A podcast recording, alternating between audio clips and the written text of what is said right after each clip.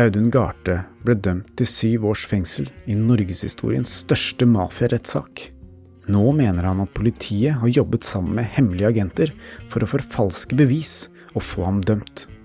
Dette er skyldig til det motsatte er bevist, en podkastserie i ti deler fra Avhørt, del to.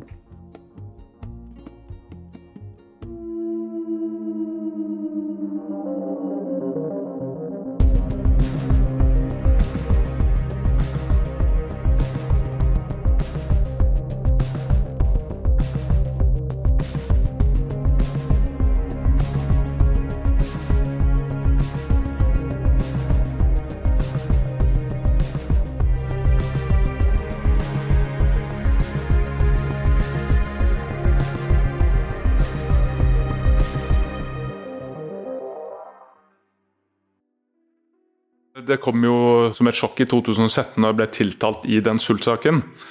Sommeren 2015 blir det smuglet 50 kilo hasj fra Nederland til Norge. To år senere blir tre menn tiltalt for forholdet. Audun Garthe, Tore Karlsen og Alf Henrik Christensen. Da setter vi i gang på en måte et skuespill for å uh, verifisere at han vil forsøke å gjennomføre en smugling. Audun skulle, etter hva de selv har forklart, hjelpe den tidligere Nokas-dømte Christensen med å iscenesette et mislykket smuglerforsøk. Christensen var i dyp gjeld til Metkel Betev og hadde sagt ja til å smugle hasj fra Nederland til Norge for å nedbetale denne gjelden, men angret seg og søkte hjelp hos Audun. Jeg valgte jo å bli med han Audun en liten tur ut han Alf Henrik og prate med han sjøl oppi det hele òg. Og ble veldig fort enig med han Audun om at vi skulle virkelig få til å hjelpe han og gå inn for det. Det de tre ikke vet, er at politiet følger med på alt de foretar seg, og selv om de aldri gjennomfører smuglerforsøket, blir de tiltalt og dømt fordi politi og domstol mener at forsøket var nært nok. Hasjen blir i virkeligheten smuglet av undercover-agenter fra dansk politi, men det er de mislykkede forsøkene som feller Audun, Tore og Alf Henrik. Og da ble jeg jo tiltalt for mafiaparagrafen såkalte 60A. Og... I etterkant av dette har Audun fått drahjelp fra advokat Sigurd Klomsæt og en sakkyndig innen datasikkerhet, og sammen mener de at de har funnet bevis på at politiet har tatt i bruk ulovlige metoder og forfalsket bevis for å få Audun dømt. Det som har skjedd, er bevist juks og det er bevist fusk for å nå et resultat. Kan dette virkelig være mulig? Hvilken motivasjon skulle politiet ha for å lure Audun inn i et slikt komplott? Jeg, jeg gjør dette fordi at det er ikke riktig. Jeg kjemper med livskamp nå, for jeg hadde slutta med alt. Men jeg blir fanga inn igjen av politiets informanter og ulovlig redigering av bevis, der jeg blir dømt i en straffesak. Jeg kommer aldri til å gi meg på denne saken her. Mens Audun sitter inne og soner dommen sin på syv år, blir han kontaktet av en kvinne som forteller ham at hun jobber i politiet. Hun har informasjon som hun gjerne vil dele med ham. Alright, da har vi innfunnet oss på Sørlandet. Vi skal møte den politikilden som Audun har kommet i kontakt med. Det tenker jeg blir uh, kjempespennende. Hvis det er en som er ansatt i politiet som kan bekrefte det Audun forteller, så er jo det breaking news, altså. Vi har blitt lovt mye rart opp gjennom tidene. Jeg klarer ikke å se for meg at en politibetjent skal sitte her og fortelle mye om interne forhold i politiet. Vi vet jo ikke noe mer enn hva Audun har fortalt oss. Han har jo fortalt oss over lang tid at han har kontakt med en kilde i politiet, og at hun har vært veldig skeptisk til å treffe oss. Og at vi omsider har fått til dette møtet, men at det må skje helt anonymt og langt unna der hun jobber. Skal være her. Er det hun som står der nede, eller? Ja, det kan det være. Det går da. Stein Morten og Helge møter kvinnen på en kafé i en liten by ikke langt fra Kristiansand. Kjør på. Vi ønsker ikke å gjøre kilden ukomfortabel, så selv om det ikke er optimalt for lydkvaliteten, gjør vi opptak med en enkel bærbar lydopptaker som ligger på bordet mellom oss. Det som er fint nå aller først, er jo hvis du bare begynner med å fortelle litt eh, hvilken rolle du har hatt i forhold til eh, politiet. Altså, ikke sant? Hva har du jobbet med? Og, Ja. Bare så vi liksom får klarlagt hvem du er, da. Ja, jeg tok en politiutdannelse, eh, gikk på Stavern i 2014. Og, eh, og gikk vanlig politiutdannelse der. Og ble ferdigutdanna. Hadde praksis Kvinnen er i slutten av 20-årene. Hun har langt, blondt hår festet i en stram hestehale. Pga. den historien hun skal fortelle, og hvilke konsekvenser det kan få for hennes egen karriere, har vi valgt å endre på stemmen hennes for å anonymisere ja, kanskje noen få måneder etterpå, før jeg ble flytta til Kristiansand. Eh, og da ble jeg kasta litt inn i, i, Fikk lov å bidra litt i forhold til han ene etterforskeren som jobba der før, i forskjellige saker, og kjente at jeg ble mer lysten på å jobbe med, med saker og med konkrete mennesker og sånn. Og ja, valgte da å ta en sånn videreutdanning slash kurs i forhold til etterforskning. Og så fikk Etter et par år i patruljebil i Kristiansand fatter hun interesse for etterforskningsarbeid og tar etterutdanning for å få den nødvendige kompetansen. Og etter hvert blir hun en ressurs for det lokale politikontoret. Den, eh, vi hadde jo Her på Sørlandet så hadde vi disse ungdomsbanden, guttene og alt dette her. Når alt dette skjedde, så er jo det mye av eh, min, altså mitt kull. Og det var mange mennesker som jeg visste hvem var, og veldig lett å komme i kontakt med, med at de kjente meg. Eh, og sånne ting. Og da ble jeg brukt som en ressurs til å kunne snakke med disse og, og inn, si, innhente informasjon, få kilder, og, og, i forhold til ja, hva som skjedde rundt i det strøket der. Eh, og etter det så har det egentlig bare eskalert. Jeg har vært i mange forskjellige saker. Hatt en liten pause Ehm, og jobba mye mer sånn på kontoret og skrevet mye mer rapporter og, og, beslag og sånne ting. Og så har jeg vært inne i det igjen. Men hvordan fikk du kjennskap til eh, saken til Audun? Ja, det har jo vært Nå, ikke ta meg på år, for nå har jeg ikke tenkt så langt tilbake. Men vi har jo, sånn som jeg fortalte til Audun, vi har jo en vanlig mail, altså en, eh, som alle i politiet har eh, inngang til, og alle får mail og sånne ting. Og så har vi en litt mer sånn intern mail. Eh, og jeg ble jo delt inn i en gruppe med forskjellige spanere hvor vi jobba mot en sak. Og så hadde vi selvfølgelig en, en hovedsjef da, eller som tok ansvar.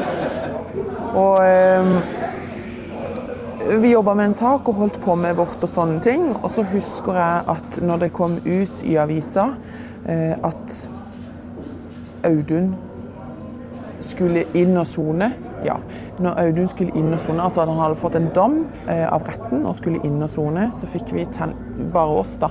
Vi fikk tilsendt en mail med linken om denne artikkelen her, og så var det liksom Ja, dette, var, dette er ikke Det er ikke siste gang, på en måte skal ikke la denne fuglen få lov å gå fri mer og sånne ting.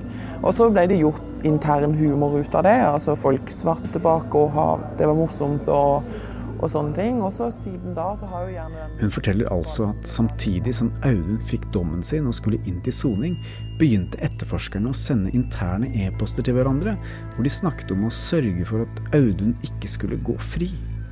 Hm.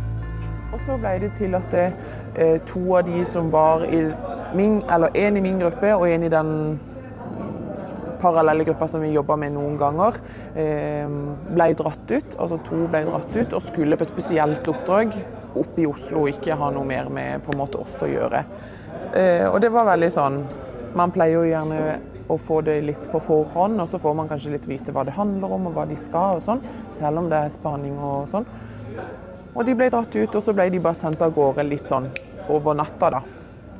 Eh, og I ettertid så har jeg forstått når de har kommet tilbake, så har man jo De har jo ikke snakka så mye om hvor de har vært, men, sånn, men man har forstått altså to pluss to er fire, og skjønt at det, det gjerne har vært kobla mot Audun sin, Audun sin, sak. Og Det har nok bare gjort at det ja, det har bygd seg, har vært, det, det har interessert meg i, i, hva som ligger på en måte til grunn for dette. Og så ble det vist nesten litt sånn han skal vi ta, på en måte koste hva det koste vil. Så jeg har prøvd å grave litt sjøl og på en måte kjøre opp i forskjellige systemer.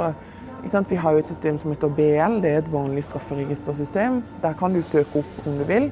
Men så er det noen ting der som er begrensa til de som har autorisasjon til å kunne gå inn og Og da, f.eks. da når jeg søkte på hans sitt navn, så kommer jo opp forskjellige saker, og så er det noen saker som er sånn dusa ut, eller sånn, og så står det gjerne, hvis du prøver å klikke på den saken, så står det gjerne i bunn på en måte autorisert til fem personer, tre personer, altså åtte, altså ja.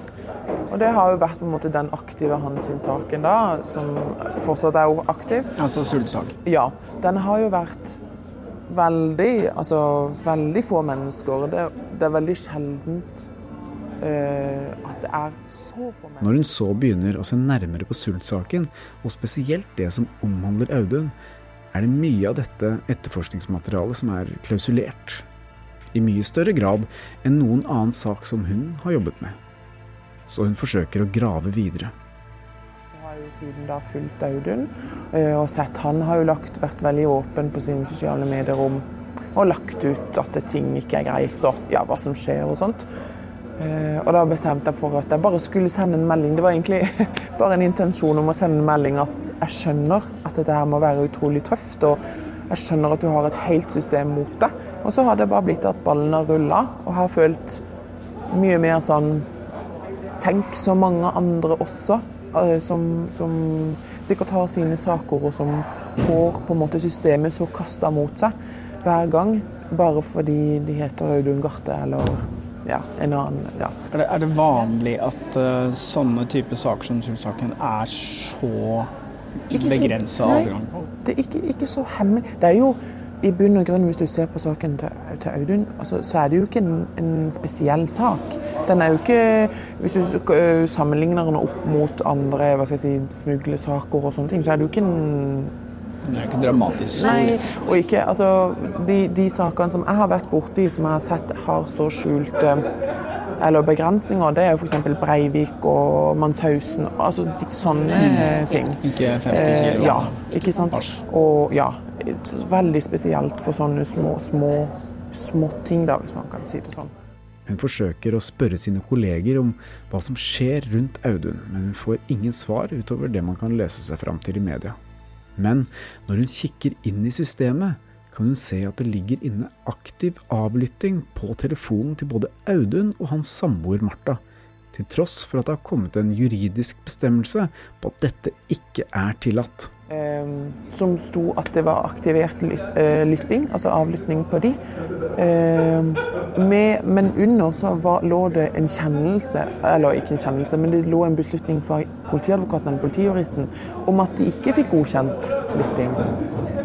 Men den står aktivt. Altså Den står aktivt på. Så til tross for at det var en beslutning fra juristen ja, om at det ikke skulle være avlytting? Og så har jeg jo snakka Hva tenkte du liksom som eh, ansatt i politiet, hva tenkte du når du liksom så en aktiv eh, kommunikasjonskontroll på to telefoner, og det ligger et avslag der?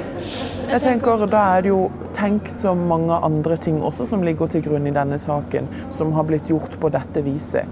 Og så øh, tenker jeg det kan jo umulig være riktig at når en beslutning blir tatt fra noen som, som har autoritet til å ta den beslutningen, og så blir man bare kjørt over og får lov å liksom trampe litt som man, som man vil. Men det er jo et lovbrudd, er det ikke det? Det er jo et lovbrudd. Det er jo ikke god, man har ikke fått en godkjennelse eh, en godkjenning på, på, å kunne ha den lyttinga. Men, Men jeg, trodde, jeg, trodde, at man måtte ha en rettslig kjennelse for å bedrive kommunikasjon. Ja, men så er det jo det, er jo det som er Men er det hurtigkobling det er snakk om, da? Ja, men det er jo øh, litt sånn Sånne ting gjør jo Det er jo, få, det, er jo det jeg sier, det er få som går til retten og får disse kjennelsene. Det er jo altså Er det politiadvokaten som tar den beslutningen? Som tar den beslutningen, som er ofte den siste. I hvert fall hvis det trengs sånn. Jo, men hvis du oppretter en hurtigkobling, altså misforstå meg hvis jeg har forstått det feil, da. Men ja. en hurtigkobling oppretter man fordi det haster, ja. ikke sant? Ja. Og da skal man gå til retten og få, få en, en kjennelse. Kjennelse. Ja, det er helt riktig, men det er få som gjør det.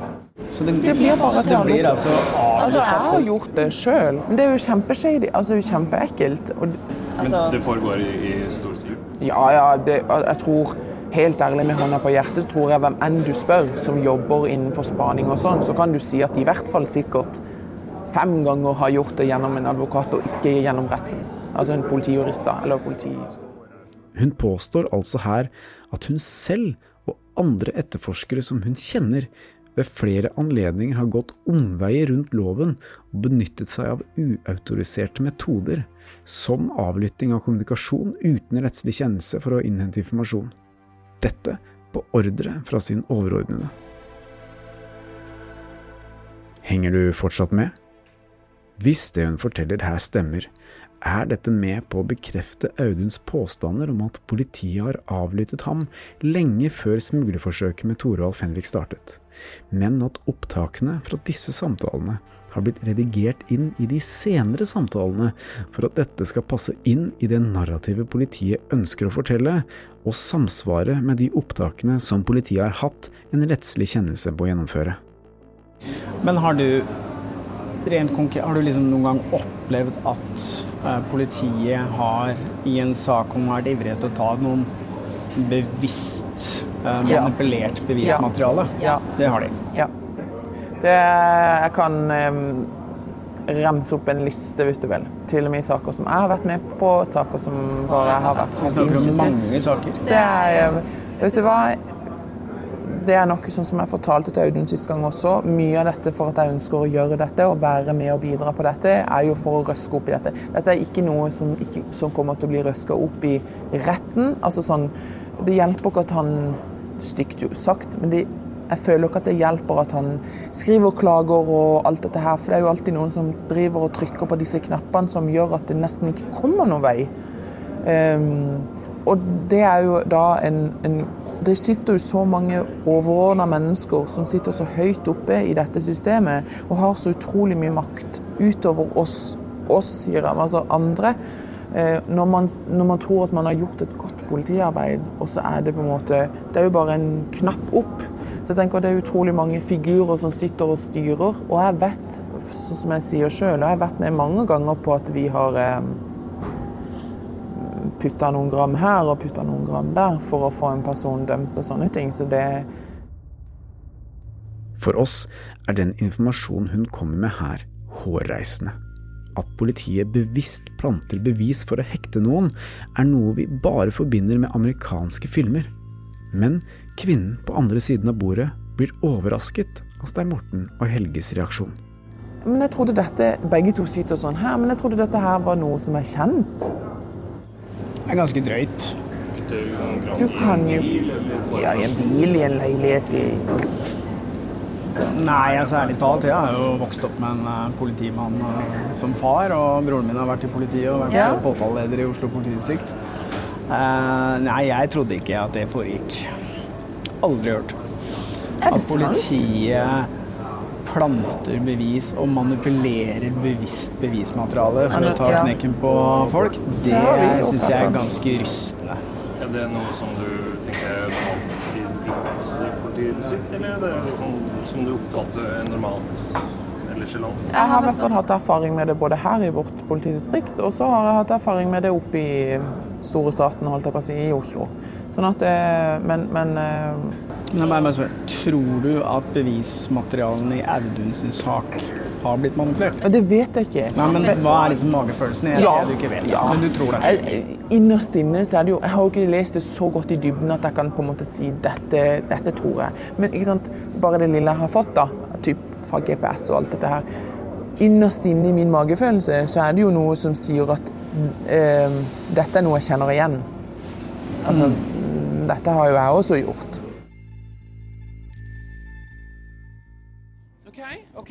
Tusen takk. Takk til dere. Det var jo Det var jo hyggelig å treffe deg, da. Ja, i like måte. Veldig koselig. Helge og Morten pakker sammen utstyret og setter kursen tilbake mot Oslo. Informasjonen kilden har gitt oss her, er mildt sagt sjokkerende. Hun påstår altså at det er helt vanlig praksis for politiet å plante bevis for å få enkelte kriminelle dømt. Det rettes spesielt innsats mot personer som Audun, som har vært inn og ut av fengsel flere ganger, for å sørge for at de ikke skal gå fri. Men man skulle jo tro at det var motsatt, at man hadde et ønske om at disse personene ikke skulle havne tilbake i fengsel. Vi er nødt til å se nærmere på all informasjonen hun har gitt oss, og se om det er noen sjanse for at dette kan stemme. Det er i hvert fall ingen tvil om at dersom det hun har fortalt oss her i dag stemmer, så er det med på å støtte teoriene til Audun om at politiet har tuklet med bevis for å få ham dømt i Sult-saken. Sånn passe avstand, eller? Ja, litt etterpå. Bare teste litt. Sånn? Ja. Én, to, tre. En som har sett nærmere på disse bevisene, er ekspert på datasikkerhet, Stein Møllerhaug. I tillegg til manipulasjon av kommunikasjonskontroll, dvs. Si overvåkning av telefonsamtaler og elektronisk kommunikasjon, mener de å ha funnet ut at dataene fra GPS-en som satt i den bobilen som Tore skal ha kjørt gjennom Sverige, Danmark og Tyskland, ble endret, tuklet med eller byttet ut før disse ble fremlagt for retten. Stein Møllerhaug, velkommen til oss. Hvordan kom du inn i Sult-saken? Jeg ble tilkalt av advokat Sigurd Klomsæt, som mente at eh, det måtte være et eller annet som ikke stemte i denne saken, uten at han var veldig spesifikk på hva som ikke stemte. Så da fikk jeg et første mandat på å gå gjennom de GPS-dataene som var lagt fram, og se om det var noe rart med disse GPS-dataene. Ja, for i denne saken så hevder jo Audun Garte at eh, det er noe galt med politiets eh, beviser i forhold til hvordan denne bobilen har beveget seg, og han så jo tvil om den i hele tatt har kjørt ned til eh, Tyskland, som politiet hevder. Stemmer det? Det stemmer. Han uh, har absolutt rett på det punktet der.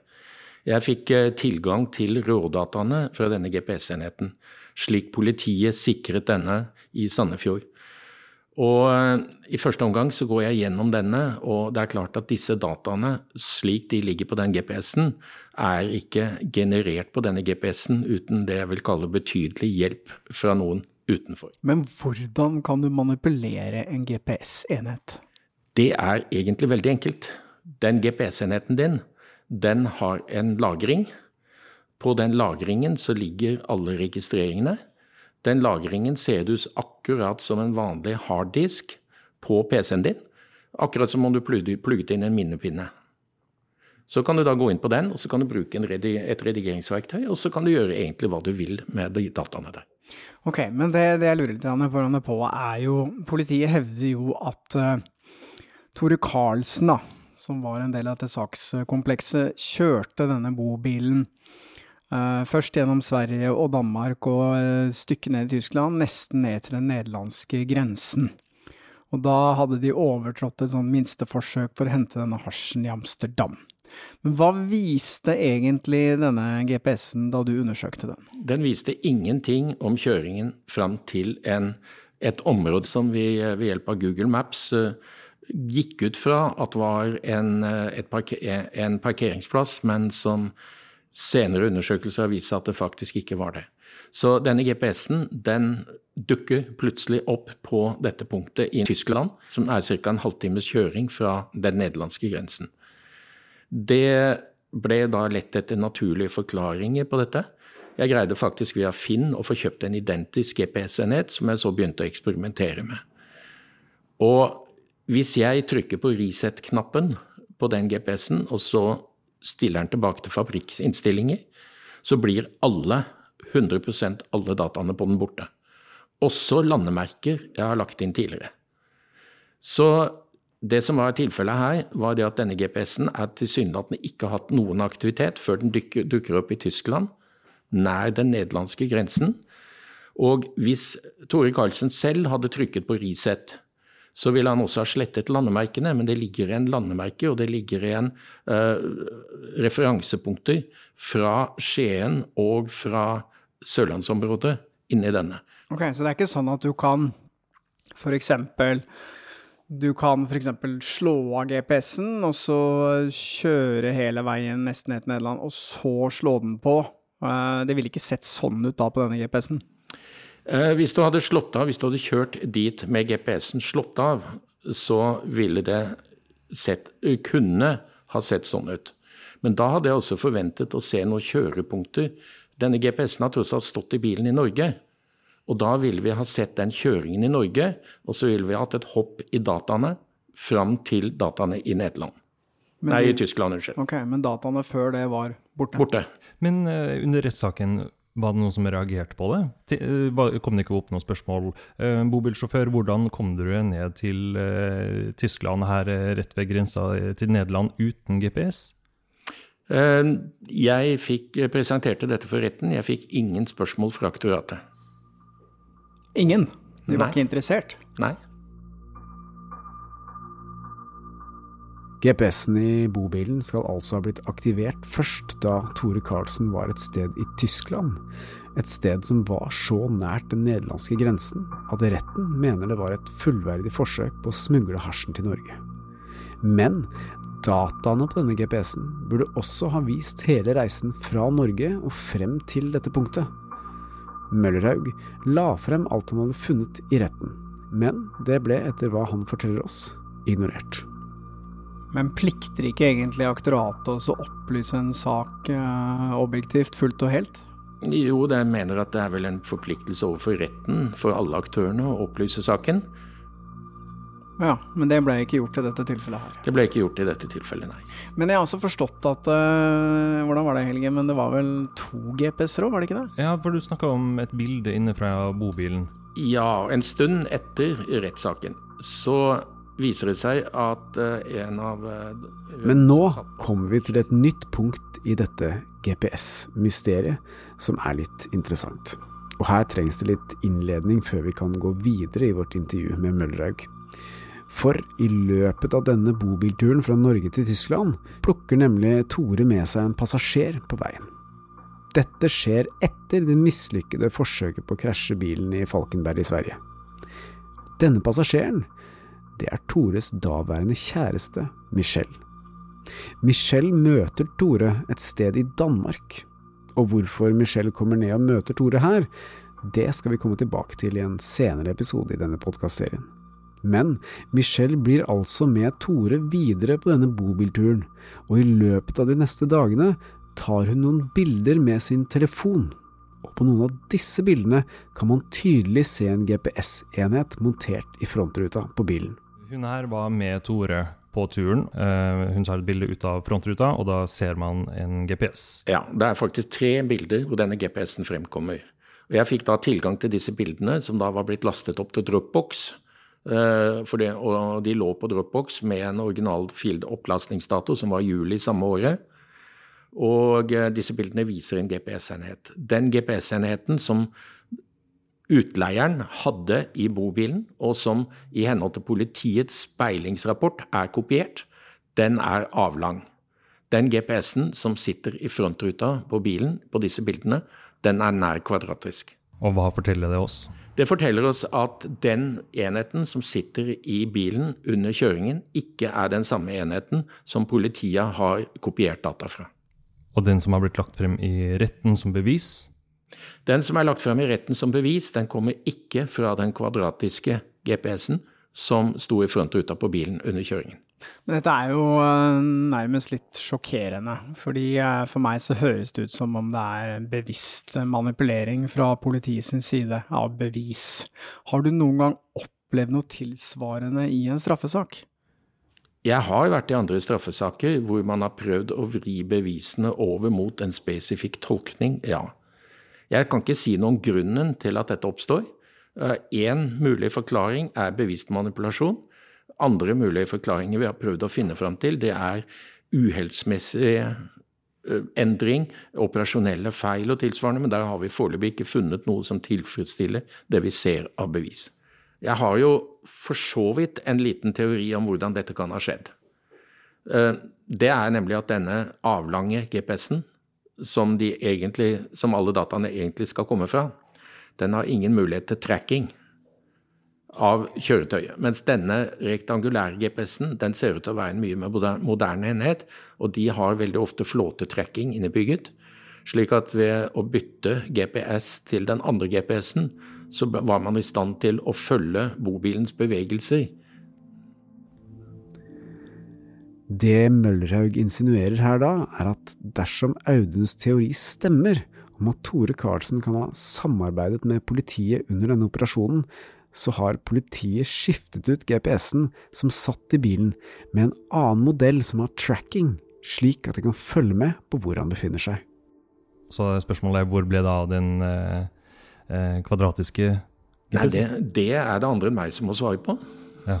Men hvis du skal konkludere alle disse funnene du har gjort, er det troverdig at Tore Karlsen, som han forklarte i retten, som Audun Garte da mener er feil, at han hentet denne, denne bobilen i Sandefjord, eller hva det var for noe, og så kjørte rundt og hele veien gjennom Sverige, gjennom Danmark, ned til dette stedet i Tyskland.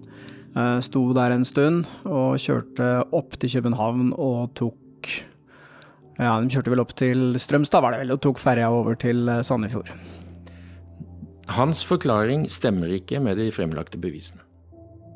Nei, og det var på grunnlag av det at bl.a. det da, at Audun Garte faktisk ble dømt i denne saken. Ja, han ble dømt eh, delvis på den forklaringen, delvis på disse GPS-dataene. Hvem tror du har manipulert denne GPS-en? Når du snakker om hypotese for dette, så må du se hvem som hadde motiv, og hvem som hadde anledning. Jeg kan ikke uttale meg noe som helst om motivet, men anledning den eh, kan jeg ikke se at ligger hos andre enn eventuelt Tore Karlsen eller politiet. Og ut fra Tore Karlsens forklaring eller kommentarer eh, i retten, så tror jeg ikke han har den nødvendige kompetanse til å manipulere disse dataene.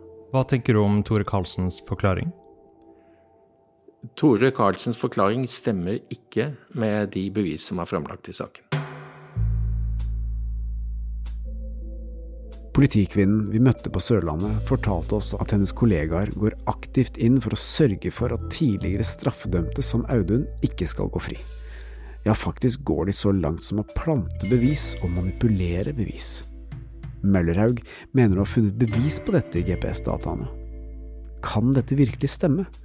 Har vi virkelig vært så naive at politiet kan ha holdt på med dette rett under nesa vår i alle år, gjennom alle de sakene vi har jobbet med?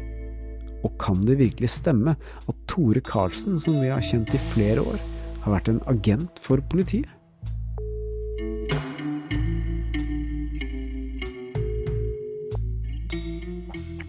Hallo. Tore. Hei, Tore. Hei sann. Hvordan går det? Ja, sånn er det. Sånn passe? Ja, ja.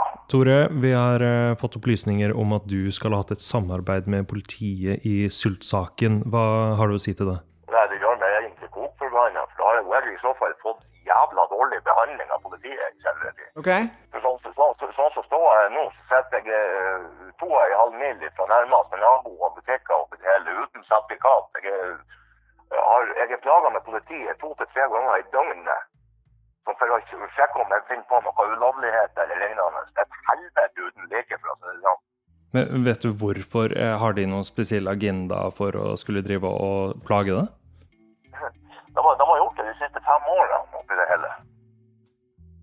Tore, denne påståtte agenten for politiet, forteller altså at han selv opplever å bli trakassert av politiet på det stedet hvor han bor. Dette skal de ha holdt på med de siste fem årene, helt siden han ble dømt i Sult-saken. Vi har snakket med en uh, sakkyndig som heter Møllerhaug. Kjenner du han? Nei, jeg kjenner meg til han i denne saka. Audun leide han vel? Ja, Møllerhaug fortalte jo oss at det var et eller annet rart med den GPS-en. At uh, det var data som var slettet. Og han mente jo også at det måtte være flere, altså to GPS-er, ikke bare én. Hadde dere med dere flere enn én GPS på den turen? Nei, aldri. Det var bare den som var, var montert fra, fra leiers side på den campingbilen. Er ikke det veldig rart? Jeg forstår ikke de greiene der. Ja, sånn jeg husker det, så fungerte noen GPS-en utmerket på hele turen. Hadde du på GPS-en på hele turen? Ja, ja, det skulle seg på automatisk med tegninger. Og den GPS-en ble aldri slått av mens du kjørte? Nei, Møllerhaug konkluderer jo med at noen har vært inne i filen på GPS-en og slettet data. Det er jo veldig rart. Ja, det kan jeg gjerne tro. Det er jo sånn de holder på, det, politiet. De legger jo til og tar fra deg at det skal de selv måtte ønske. Ja, så du tenker at det er sannsynlig at politiet kan ha manipulert med GPS-dataene? Nei, det vil ikke være første gangen, for å si det sånn. Man skulle, man skulle jo tro det at det var en uh, instans i seg selv som ikke gjorde sånt, men jeg vet, jeg vet jo med sikkerhet og har sett og følt på kroppen at de har gjort det flere ganger. så det Noe korrupte svin det der, for å si det sånn. Men eh, du og Audun har jo vært venner i mange, mange år. Hvorfor tror du Audun nå har eh, tatt helomvending og mener at du har hatt et samarbeid med politiet? Jeg vet du, Det forstår ikke jeg heller. Jeg skjønner det ikke. Han, han, han ringer meg jo flere ganger fra fengselet og holdt et helvetes liv i telefonen med steng og tang og mente at jeg burde innrømme alt mulig til han. og ja, sånn angående både det ene og det andre jeg hadde gjort, og at jeg jobba for politiet. og det, det var masse sånn syke greier. Har du noen gang vært politiinformant? Nei, på langt nær. Hadde vært det, vet du, så hadde man jo ikke, hadde man jo sluppet veldig unna på alt, holdt på å si. Det høres jo litt rart ut at politiet skal eh, drive og plage deg hvis du har hatt et samarbeid med dem. Ja, det er akkurat det.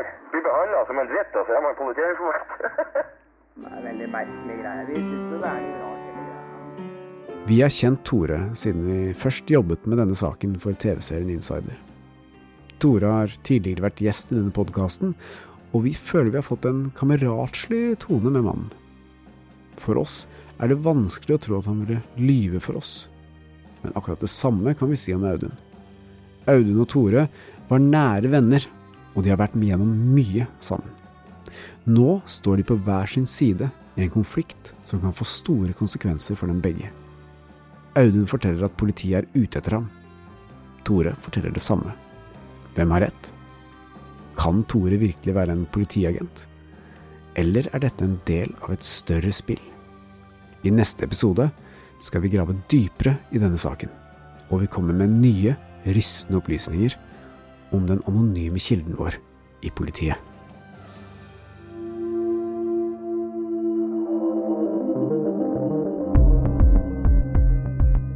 Skyldig til det motsatte er bevist er en avhørt produksjon av Batong Media. Redaksjonen vår består av Stein Morten Lier, Helge Molvær og Lars Christian Nygårdstrand. Temamusikken vår er laget av Altered States, og du finner oss på Facebook som Batong Media.